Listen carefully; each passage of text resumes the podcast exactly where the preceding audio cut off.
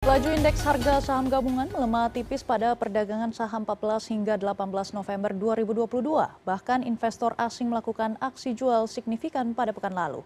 Pasar saham masih akan dibayangi sejumlah sentimen pada perdagangan hari ini, yakni sentimen dari luar negeri berasal dari rilis data laporan keuangan yang kurang positif di wilayah regional khususnya dari Tiongkok. Dan sementara sentimen dalam negeri berasal dari dinaikannya suku bunga acuan Bank Indonesia. Bagaimana prediksi pekan ini dan apa saja saham yang menarik selama sepekan ke depan menurut analis sudah bersama saya melalui sambungan Zoom Cheryl Tanuwijaya Head of Research Jasa Utama Capital Sekuritas. Selamat pagi Mbak Cheryl, apakah mengawali pekan ini pergerakan IHSG masih menunjukkan upaya untuk keluar dari rentang konsolidasi wajar? Oke, selamat pagi. Jadi kalau kita lihat IHSG memang beberapa minggu ini terlihat bergerak konsolidasi ya masih belum mampu melampaui area resisten di 7.100. Dan kalau kita lihat bursa regional Asia pagi hari ini itu masih kompak melemah. Jadi kalau proyeksi IHSG di hari ini masih ada potensi uh, konsolidasi cenderung melemah dengan range 6.850 ke resisten 7.100. Baik, ini masih ada uh, beberapa potensi untuk melemah dan apa saja yang akan menjadi sentimen pergerakan IHSG, Mbak Ceril? Iya. IHSG masih berpotensi konsolidasi melemah ya karena pelaku pasar itu masih mencermati perkembangan kebijakan moneter The Fed bagaimana kebijakan moneternya di masa depan mengingat pekan lalu itu ada rilis inflasi yang sudah menunjukkan penurunan dan diperkirakan sudah mencapai puncaknya. Namun turunannya itu relatif minim meskipun kenaikan suku bunga sudah signifikan hingga 375 basis poin di tahun ini. Jadi market akan menantikan hasil meeting FOMC di tengahan minggu ini dan juga masih akan mencermati kenaikan kasus COVID-19 di Cina ya seperti yang kita tahu, Cina merupakan negara mitra dagang utama Indonesia dan perekonomian Cina itu juga mempengaruhi permintaan terhadap komoditas global. Baik, ini menarik sekali untuk dibahas. Tadi Anda juga sudah menyebut ada suku bunga acuan dan juga kasus COVID ini juga akan menekan laju IHSG sepekan ke depan. Dan apakah sentimen dari fluktuasi nilai tukar rupiah dan juga harga komoditas masih akan memberikan sentimen terhadap pergerakan IHSG hingga beberapa waktu mendatang? Bagaimana sebenarnya pasar mencermati pergerakan harga komoditas? Iya, baik seperti yang kita tahu Indonesia kan merupakan negara produsen komoditas ya. Jadi kalau saat seperti kayak saat ini kita lihat mayoritas komoditas itu bergerak um, dalam zona koreksi secara harian maupun secara mingguan seperti komoditas batu bara, komoditas uh, CPO itu yang turun bahkan hampir 10% dalam seminggu.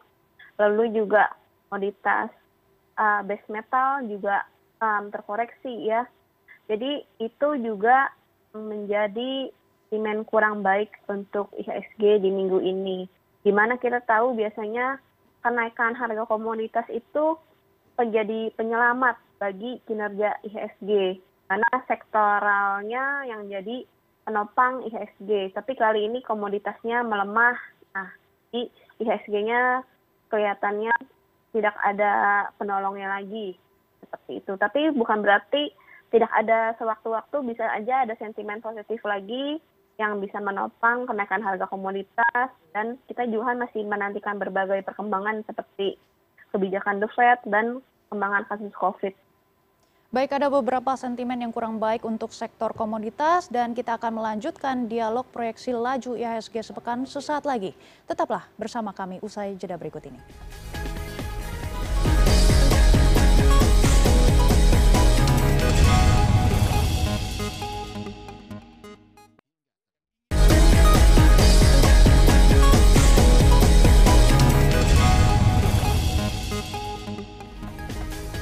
Lanjutkan dialog pada pagi ini dan masih bersama Cheryl Tanuwijaya, Head of Research Jasa Utama Capital Sekuritas. Melalui sambungan Zoom, Mbak Cheryl, tadi kita sudah membahas sektor komoditas dan lalu kami juga ingin membahas terkait dengan sektor digital. Nah, sejauh mana badai PHK yang dialami sejumlah startup akan mempengaruhi laju IHSG?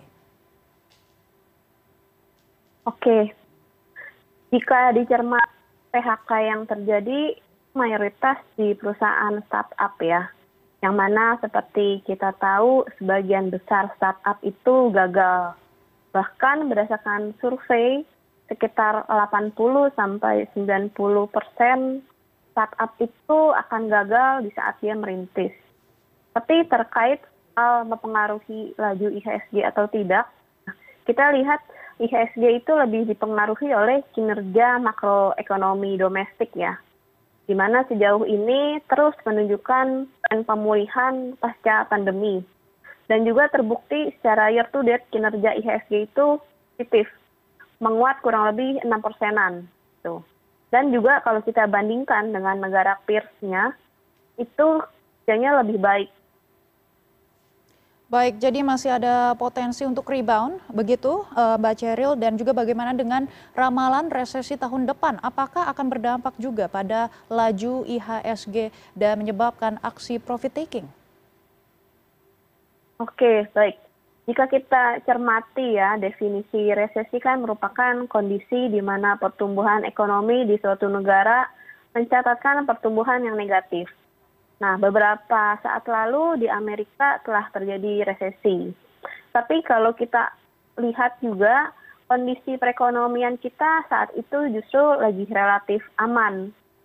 Pada uh, pertumbuhan ekonomi juga konsisten bertumbuh ya secara kuartalan kita lihat PDB konsisten positif neraca perdagangan juga surplus kinerja IHSG yang menjadi parameter perekonomian juga positif.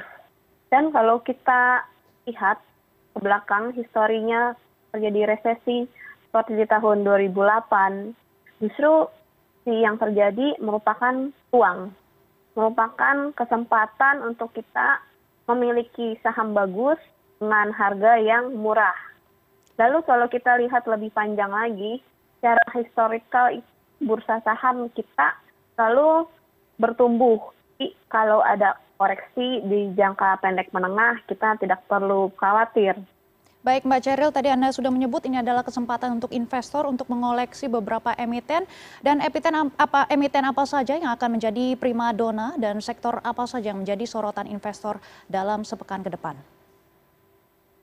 Oke, untuk hari ini dan sepekan ke depan kami merekomendasikan beberapa saham ya ada saham Asus Hardware um, target kami di 595 sampai 600.